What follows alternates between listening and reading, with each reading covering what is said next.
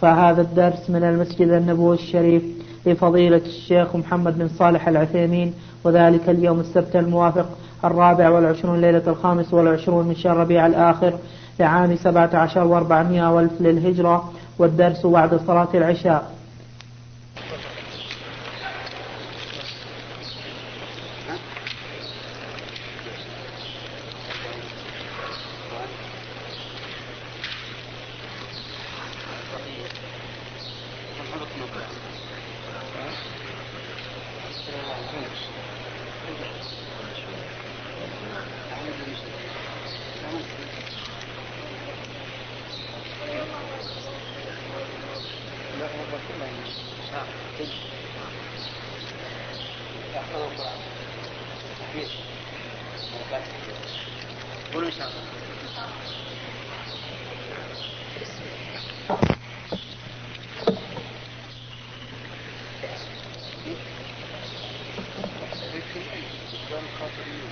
الله الرحمن الرحيم. آخر ما قلنا أن أهل السنة والجماعة جعلنا الله وإياكم منهم.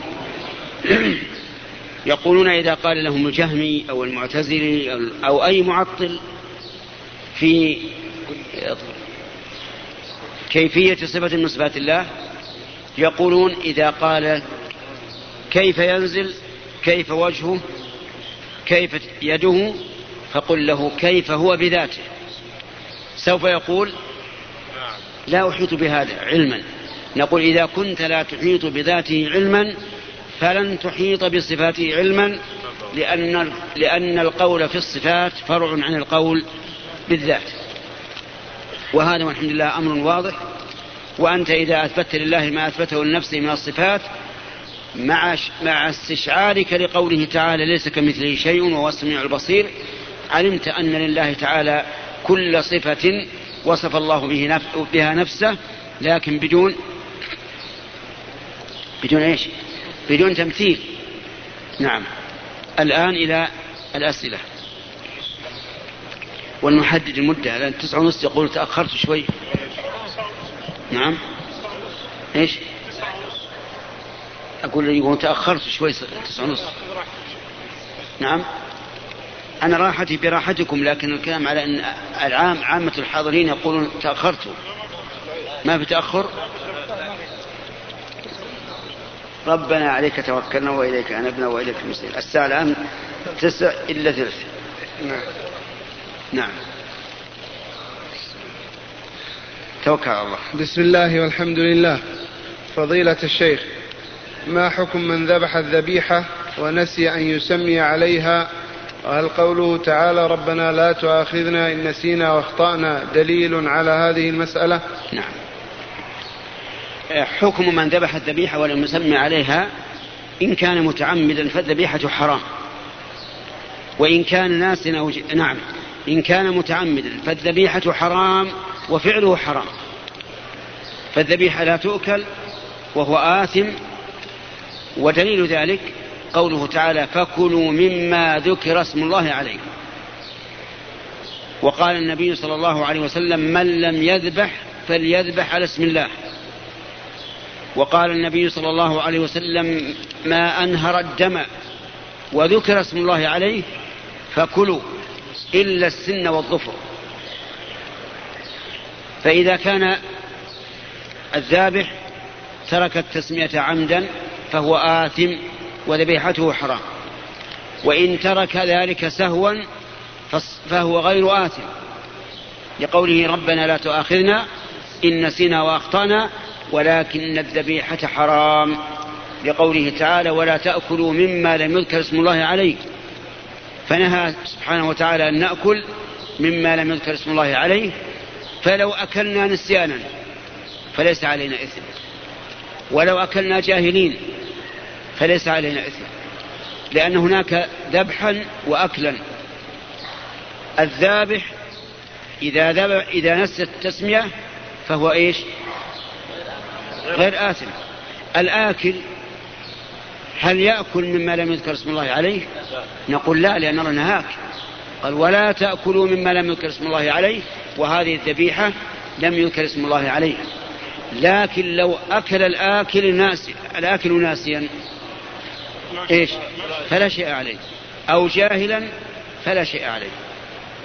ولذلك ثبت في صحيح البخاري عن عائشة رضي الله عنها أن قوما أتوا إلى رسول الله صلى الله عليه وسلم فقالوا يا رسول الله إن قوما يأتوننا باللحم لا ندري أذكر اسم الله عليه أم لا قال سموا أنتم وكلوا. سموا أنتم وكلوا. وهذا يدل على أن التسمية لا بد منها. لكن إذا كنا نجهل هل سمى أو لا فإننا نأكل. لكن نسمي الله على أكلنا. الآن لو أسألكم هل أنتم تجزمون بأن جميع الذبائح التي بين أيدينا قد ذكر اسم الله عليها. الجواب لا. لكن الحمد لله يسر الله علينا أن ما, ما جهلنا أذكر اسم الله عليه أم لا فإننا نأكل ونسمي فعلنا هو الأكل نسمي عليه وأما الذبح فهو فعل غيرنا ولا ولسنا ملزومين بأن نسأل عنه. نعم. جزاكم الله خيرا. سائل يقول هذا يراجعنا على مسألة النساء يدخل عليهم الأقوال. إخراج النساء. إيش؟ النساء. الآن يتم إخراجهن يعني حاجة جبرية قصة تسكير الأبواب. اخترمت يعني بلغت المسلمين فيها. إخراج سؤال. طيب. يقول السائل نعم. هل يعذر الإنسان بالنسيان فلا يقضي صلاة صلاها بغير وضوء؟ نعم. هذا سؤال مهم. يعني لو أن الإنسان صلى ولم يتوضأ ناسيا أتصح صلاته؟ الجواب صلاته ليس بآثم فيها. لا يأثم. إذا صلى بغير وضوء ناسيا فلا إثم عليه. وإن كان متعمدا إيش؟ آثم ولا غير آثم؟ آثم. حتى قال بعض العلماء إنه يكفر إذا صلى بغير وضوء متعمدا لأنه مستهزئ بآيات الله عز وجل. لكن لو صلى ناسيا فلا إثم عليه. إن لكن عليه أن يقضي. عليه أن يقضي. الصلاة. الدليل قول النبي صلى الله عليه وسلم من نام عن صلاة من أو نسيها أتم يا أخوان. فليصليها إذا ذكرها. والفرق بين فعل المحظور وترك المأمور ظاهر. الصلاة بغير وضوء من باب ترك إيش؟ المأمور. والصلاة في ثوب فيه نجاسة ناسيا صحيح لأنه من باب ترك المحظور. وهذا فرق دقيق يعرفه أهل العلم. ما كان من باب فعل المحظور إذا فعل الإنسان ناسيا أو جاهلا فلا إثم عليه ولا قضاء وما كان من باب ترك المأمور فعليه إيش؟ عليه القضاء. أرأيتم لو سلم الإنسان قبل تمام صلاته ناسيا أيلزمه أن يأتي بالباقي؟ حماية واحد سلم من صلاة العشاء في الركعة الثالثة ناسيا غير متعمد أيلزمه أن يأتي بالرابعة؟ نعم. والله كان. نعم نعم. يلزمه. طيب مع أنه ناسي. ليش؟ لأنه نقص المأمور. ولذلك لما صلى النبي عليه الصلاة والسلام وانتبه لهذه القصة غريبة. صلى النبي صلى الله عليه وسلم إحدى صلاتي العشي إما الظهر وإما العصر. صلى ركعتين وسلم. سلم. من ركعتين. أن الناس الذين يخرجون من الصلاة سراعا خرجوا وقالوا قصرت الصلاة. يعني جعلت ركعتين. لأنه في زمن التشريع ممكن تقصر. قصرت الصلاة. ولكن بقية الصحابة بقوا. وكان في القوم رجلان هما أعز رجال على رسول الله صلى الله عليه وسلم وهما أبو بكر وعمر رضي الله عنهم لكنهما هابا أن يكلماه لأن رسول الله صلى الله عليه وسلم له هيبة عظيمة لكن من رآه يعني في أول وهلة يهابه ومن خالطه معاشرة أحبه وألفه. طيب هاب أن يكلماه. للهيبة العظيمة التي جعلها الله عز وجل في قلوب الناس من رسول الله صلى الله عليه وسلم.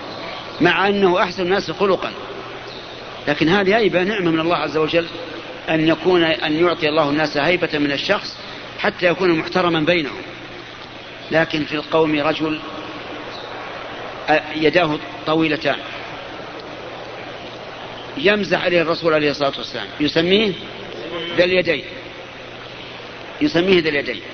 وتعرفون أن الإنسان إذا كان يمازح مع شخص ربما يتجرأ عليه. فقال يا رسول الله أنسيت أم قصرت الصلاة؟ والله سؤال لا يمكن أن يسأله الفلاسفة. من قوم لم يدرسوا علم الفلسفة ولا المنطق. أنسيت أم قصرت الصلاة؟ في قسم ثالث وهو أو تعمدت السلام قبل تمامها. لكن هذا الأخير ممكن ولا غير ممكن؟ غير ممكن. الله المستعان. إما أن يكون ناسيا أو الصلاة مقصورة أو متعمدا. الثالث إيش؟ ممتنع غير ممكن. ولهذا ما سأل عنه الصحابي لأنه يعلم أنه لن يقع من رسول الله. قال النبي صلى الله عليه وسلم لم أنسى ولم تقصر. وهنا إشكال كيف يقول لم أنسى وهو ناسي هنا شيئان انتفيا لم أنسى ولم تقصر. أما قوله لم تقصر فهو نفي لحكم شرعي لا يمكن الخطأ فيه.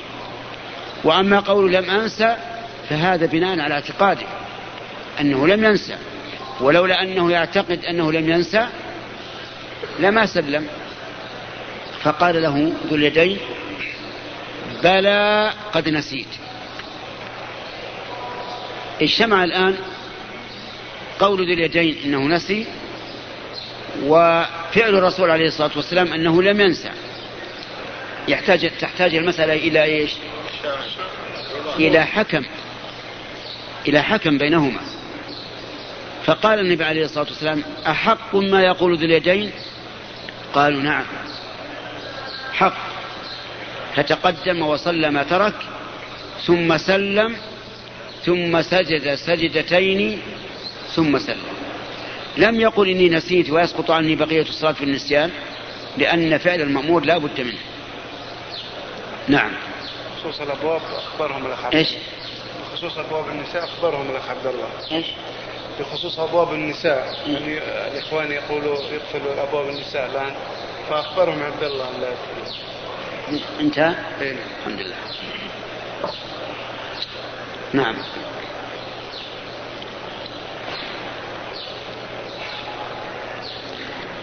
جزاكم الله خيرا. سائل يقول فضيلة الشيخ هل زيارة القبور للناس جائز أم لا؟ أو للنساء؟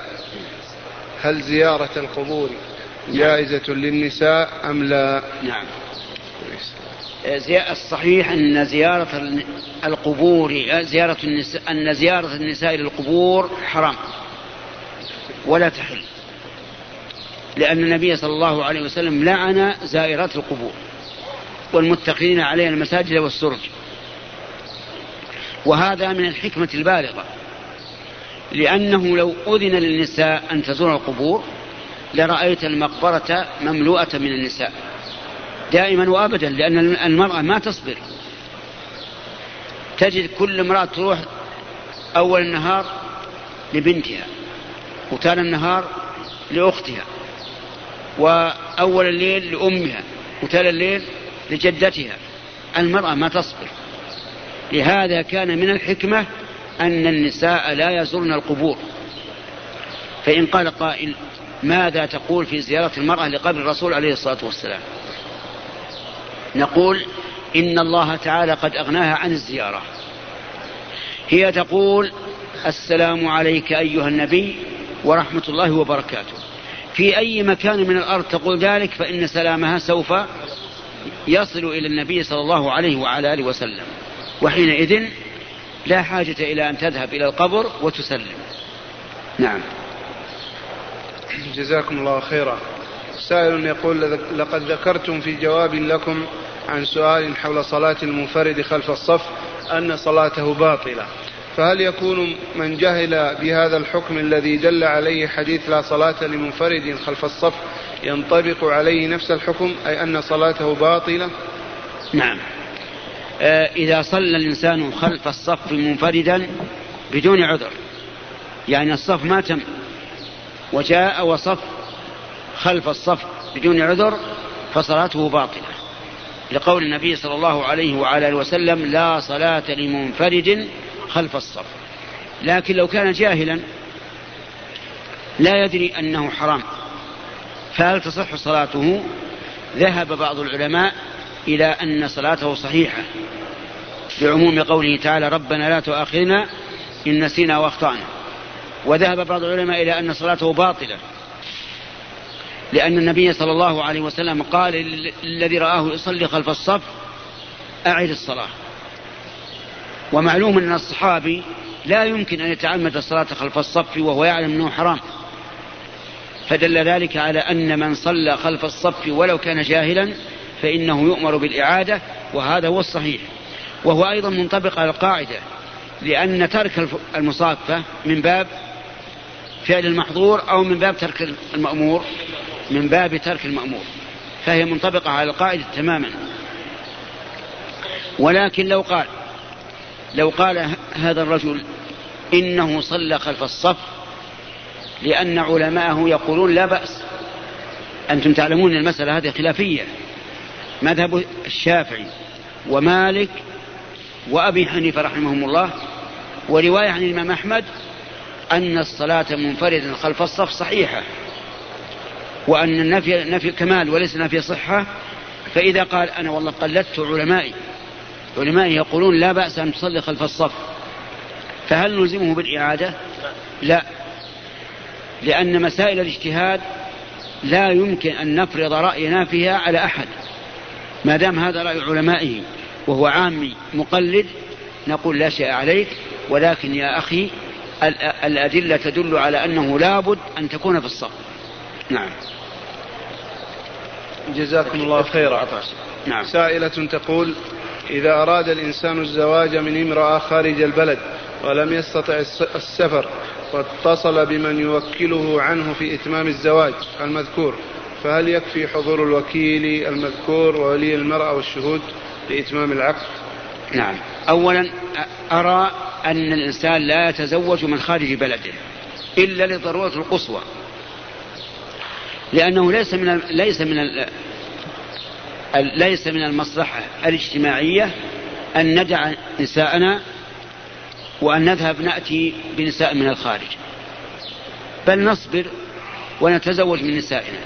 والذي لا, لا يقدر له الزواج هذا العام يتزوج العام الثاني. والحمد لله. أما أن نذهب إلى الخارج مع ما يحصل فيه من المشاكل أحيانا يحصل مشاكل كثيرة. إذا ذهبت إلى الخارج تقول يلا أعطني هدية لأمي لأبي. نعم اذهب بي كل نصف سنة. وما أشبه ذلك من المشاكل التي نحن علمناها. بحسب ما نسمع من الناس أو ما يلقى إلينا من الفتاوي نقول اصبر يا أخي. تزوج من نساء البلد. ولكن المشكلة عندنا المشكلة أن نساء البلد أصبحن سلعا أصبحن سلعا وش معنى السلعا يعني أن الأب يتحكم فيها. يجيها الرجل الطيب المرضي المرضي في دينه وخلقه يقول زوجني طيب كم تعطيني؟ كان أعطيك عشرين ألف؟ أو أجهزها. آتي بغرفة النوم وبالحلي وبكذا وبكذا وهذا اللي يعطيك قال لا أنا بعشرين ألف لي وعشرة آلاف لأمها وخمسة آلاف لخالتها وأربعة آلاف لإيش؟ وأريد أيضا آه، سيارة للغنم. ونعم. وأريد أيضا واية يأتي بالماء. سبحان الله. صارت قرية عظيمة. هذا هذا لا يجوز إطلاقا. أبدا المرأة مهرها لها فقط. قال الله عز وجل وآتوا النساء صدقاتهن. نحلة. يعني بدون منة. فإن طبن لكم عن شيء منه نفسا إن طبنهن. ما هو أباء ليس آباءهن ولا إخوانهن ولا أولياءهن. إن طبن لكم عن شيء منه نفسا فكلوه هنيئا مريئا. وقال عز وجل وإن طلقتموهن من قبل أن تمسوهن وقد فرضتم لهن فريضة فنصف ما فرضتم إلا إيش؟ أن يعفون أو يعفو الذي بيده عقدة النكاح وهو الزوج. إن عفونا عاد المهر إلى الزوج كله وإن عفى الزوج عاد المهر إلى الزوجة كله. على كل حال أنا أشير أن لا يتزوج إنسان من الخارج إلا للضرورة. إذا كان هناك ضرورة فلا بأس. فإذا كان يستطيع أن يذهب هو بنفسه وإلا فليوكل من يثق به ليعقد النكاح له. ولكن كيف يقول عند العقد؟ يقول ولي المرأة زوجت موكلك فلانا فلانا بنتي فلانة. ويقول الوكيل قبلت هذا النكاح لموكل فلان. لكن ما تقولون لو أنه وكله يتزوج له امرأة. ولما حضر العقد كأن الوكيل رغب. فقال زوجت موكلك فلانا فلانا. قال قبلته لنفسي. أيصح أم لا؟ هذا لا يصح العقد. ليش؟ لأن الآن الولي أطلق العقد لمن؟ للموكل وهذا قبله لنفسه وهو الوكيل. لكن لو قال زوجتك بنتي فقال قبلت. تكون زوجة لمن؟ للوكيل. أي نعم. نعم تفضل. جزاكم الله خيرا. سائل يقول ما هو معنى حديث الرسول صلى الله عليه وسلم؟ اللهم صل وسلم من اكتوى أو استرقى فقد برئ من التوكل. إيش؟ من اكتوى. أو استرقى نعم. فقد برئ من التوكل. هذا لا أظنه يصح عن النبي صلى الله عليه وسلم. لكن ورد أن في هذه الأمة سبعين ألفا يدخلون الجنة بلا حساب ولا عذاب وهم الذين لا يسرقون ولا يكتوون ولا يتطيرون وعلى ربهم يتوكلون. أي لا يطلبون من أحد أن يفعل بهم ذلك. لكن لو فعل بهم بدون طلب فلا منافاة. يعني لو أن أحدا دخل على مريض فقرأ عليه بدون طلب من المريض. هذا لا يخرج من السبعين ألفا إذا كان من, من, من, من أهلها. كذلك أيضا لو أنهم كووه. إنسان مثلا مريض ولا ولا عنده شعور ما يشعر فكواه أهله. ما ينافي. لأن اكتوى بمعنى طلب إيش؟ طلب من يكويه. استرقى طلب من يرقيه. من يرقيه. نعم. جزاكم الله خيرا. سائل يقول هل هل كتاب دليل الطالب لنيل المطلوب وين السائلة؟ آه اعدل اعدل. أي يعني الآن عرضنا حق السائلة وهذا السائل وباقي سائل آخر اثنين للرجال وواحد للنساء. نعم, نعم. هذا القائل. يقول هل هل كتاب دليل الطالب لنيل المطالب يعتبر شرحا لمنار السبيل؟ الدليل هو المتن. وأما منار السبيل فهو الشرح. نعم. جزاكم الله خير. يقول السائل هل لكم يا شيخ أن تبينوا لنا قول الرسول صلى الله عليه وسلم كفى بالمرء إثما أن يضيع أن يضيع من يعول؟ يضيع. أن يضيع من يعول. الحديث فيما فيما أعلمه من يقوت. كفى بالمرء إثما أن يضيع من يقوت. يعني أن من الإثم العظيم أن يضيع الإنسان من يقوت سواء من البشر أو من الحيوان الآخر. واستمعوا إلى قول الرسول عليه الصلاة والسلام. عذبت امرأة في هرة حبستها. لا هي أطعمتها حين حبستها ولا هي أرسلتها تأكل من خشاش الأرض. كل إنسان يضيع من, من, من يلزمه قوته من إنسان أو حيوان فإنه آثم. والواجب أن يقوم بقوته. نعم. جزاكم الله خيرا. سائل يقول هناك طرق للتخسيس. يا أخي. كم ذكرنا سائلة؟ سائلة تقول. خليك على العادة حق النساء هنا وحق الرجال. هذا حق النساء. انتبه. طيب. سائلة تقول إذا تزوج مسلم بكتابية فهل يجب عليه أن يلزمها بالحجاب؟ وما الذي يجب عليه أن يلزمها به؟ إذا تزوج كتابية فمن المعلوم أنه لا يلزمها أن لا يلزمها أن تدخل الدين الإسلامي بل تبقى على دينها. لكن ما يتعلق بمصلحته له أن يلزمها به. مثال ذلك له أن يلزمها بأخذ الأظفار والشعور التي يطلب إزالتها وله أن يلزمها بغسل الجنابة وبالاغتسال من الحيض وله أن يلزمها بستر وجهها. لأنه يقول أنا لا أريد أن تكشف زوجتي وجهها عند الناس تتعلق رغباتهم بها. فكل ما يتعلق به فله أن يلزمها به. وإن كان ليس واجبا عليها من جهة الشرع حتى تسلم. نعم. جزاكم الله خيرا. سائل يقول هناك طرق للتخسيس وهي عملية إزالة الدهون من أحد الأعضاء سواء البطن أو الفخذين أو الصدر عن طريق العملية. فهل هذا يجوز؟ وش؟ تخصيص؟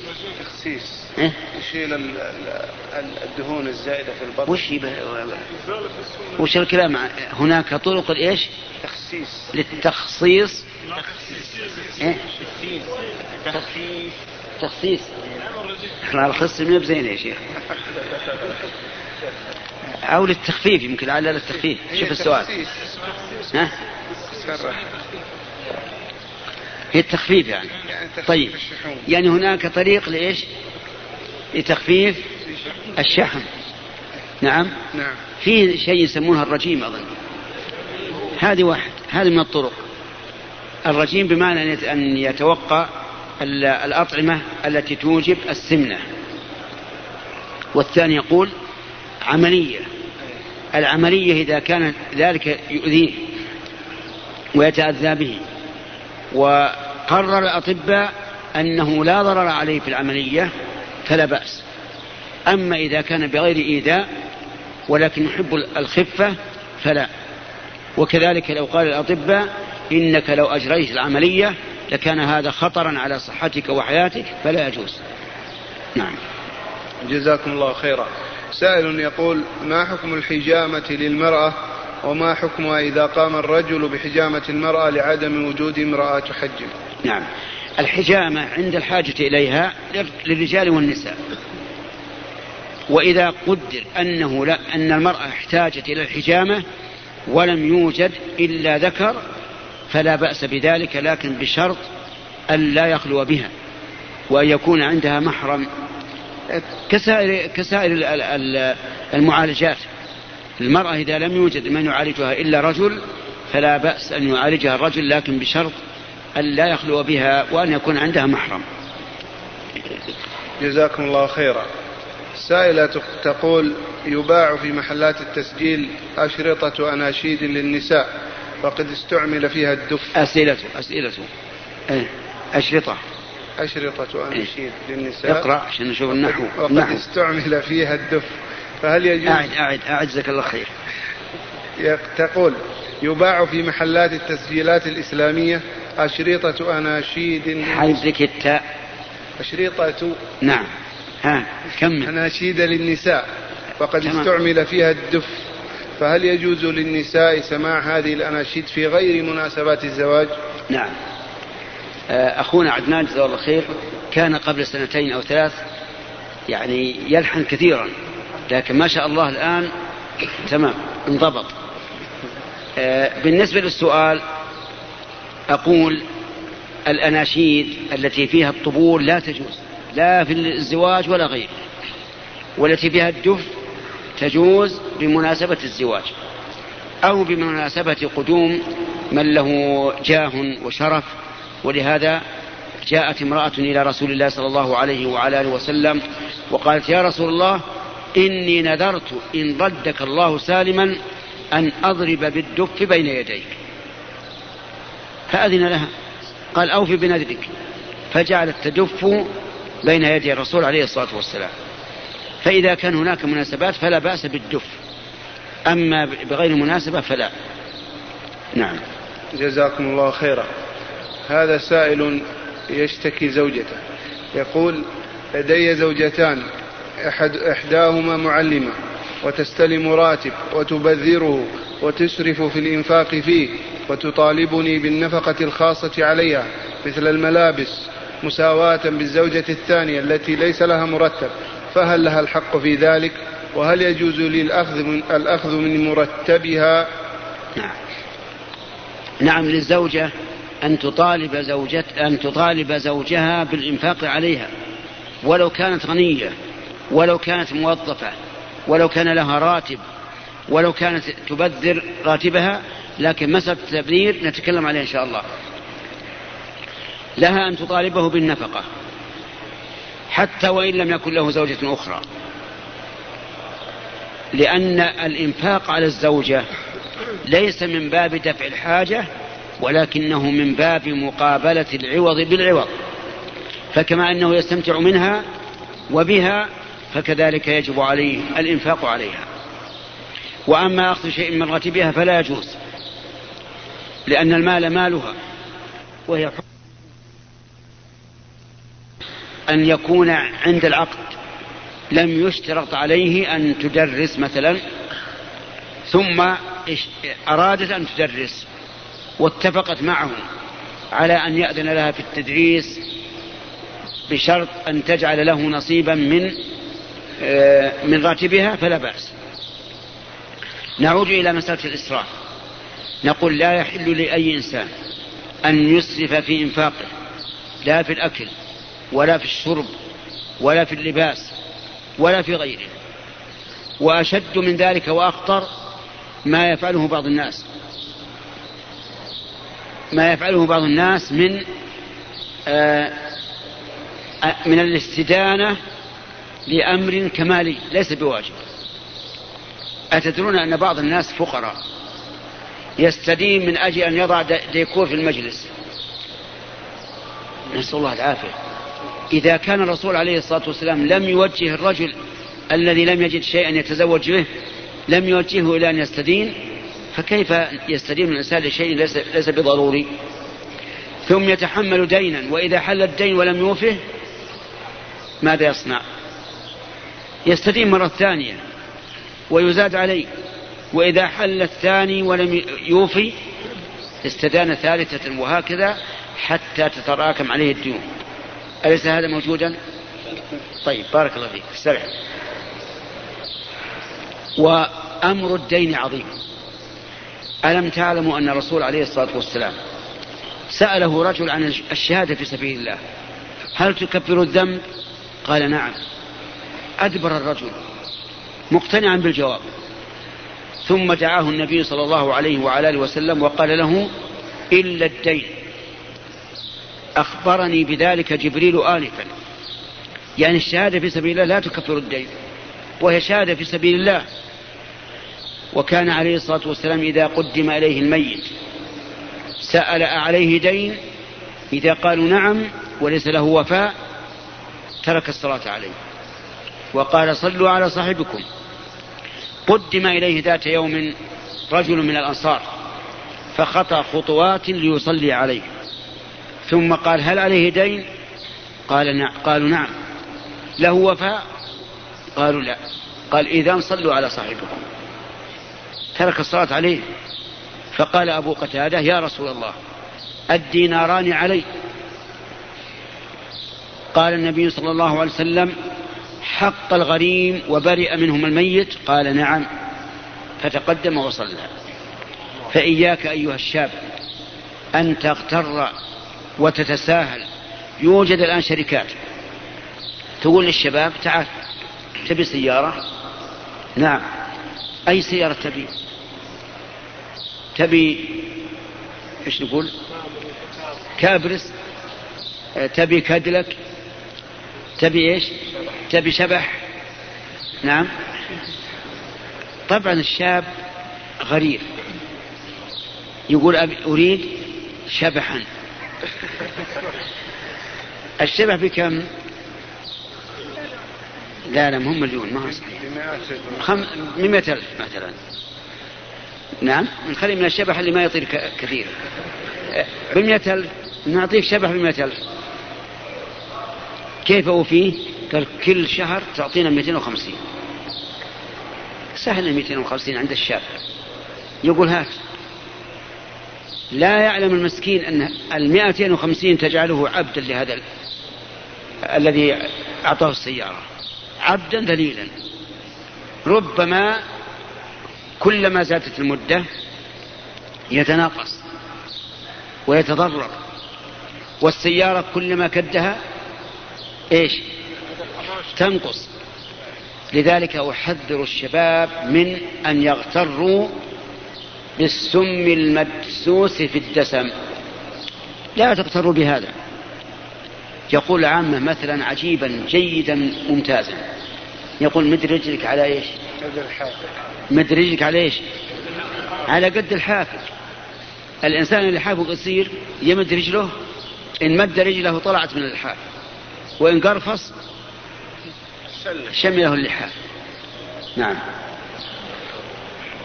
جزاكم الله خيرا. سائل يقول إنني متزوج منذ ثلاثة سنوات ولم أرزق بطفل حتى الآن وبعد الفحوصات تبين لي بأني لا أقدر على الإنجاب إلا عن طريق أطفال الأنابيب. يسأل. إذا أطفال الأنابيب أنا لا أفتي فيها.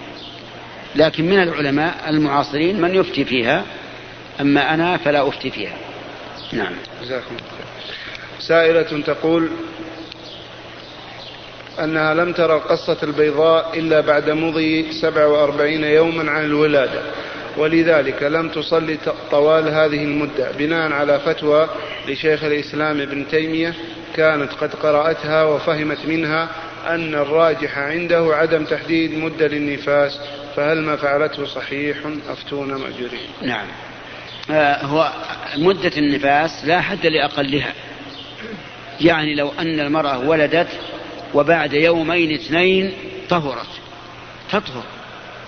تصوم وتصلي ويأتيها زوجها ولا بأس بذلك لأنها طهرت. ولكن لو زادت على أربعين فهل تغتسل أو ماذا تفعل؟ نقول إذا زادت على أربعين فإن صادفت أيام العادة فهي حيض. وإن لم تصادف أيام العادة فهي دم فساد تغتسل وتصلي ويأتيها نعم يأتيها زوجها. وقال بعض العلماء يمتد النفاس إلى ستين يوما. فما دام الدم على طبيعته لم يتغير فإنها تبقى إلى ستين يوما. وما زاد على الستين إن وافق العادة فهو حيض وإن لم يوافق العادة فهو دم فساد لا يمنعها من الصلاة ولا غيرها مما يمنعه النفاس. نعم. جزاكم الله خيرا. هذا السبب بقي هذه المرأة الآن رأت الصفرة بعد تمام أربعين. فالاحتياط أن تقضي الأيام السبعة التي تركت الصلاة فيها. نعم. في بعد 47 إيش؟ 47 لكن بعد 40 رأس صفرة تقول. إيه؟ نعم. هذا سائل يقول أخي عنده دش في البيت ونصح إيش؟ دش. نعم. صحن هوائي. قال ونصحت له كثيرا. هل يجوز لي مقاطعته؟ أفيدوني. أخوك يجب عليك صلته. ومن صلته المناصحة أن تناصحه وتكرر عليه وتبين له خطر هذا الدش على الأخلاق والعقيدة والسلوك. فإن اهتدى فهذا المطلوب وإلا فصله. ولكن إذا فتح هذا الدش على شيء محرم فقم. قم من المكان وقاطعه. قاطعه في هذه الحال. أما دائما فلا تقاطعه لأنه أخوك وهو باستعمال هذا الدش لا يكون كافرا بل هو من الفساق والفساق يوصلون ولو كانوا فساقا. إلا إذا كنت لو هجرته لتاب من ذلك فاهجره. نعم. جزاكم الله خيرا. هذا السائل يقول سائلة.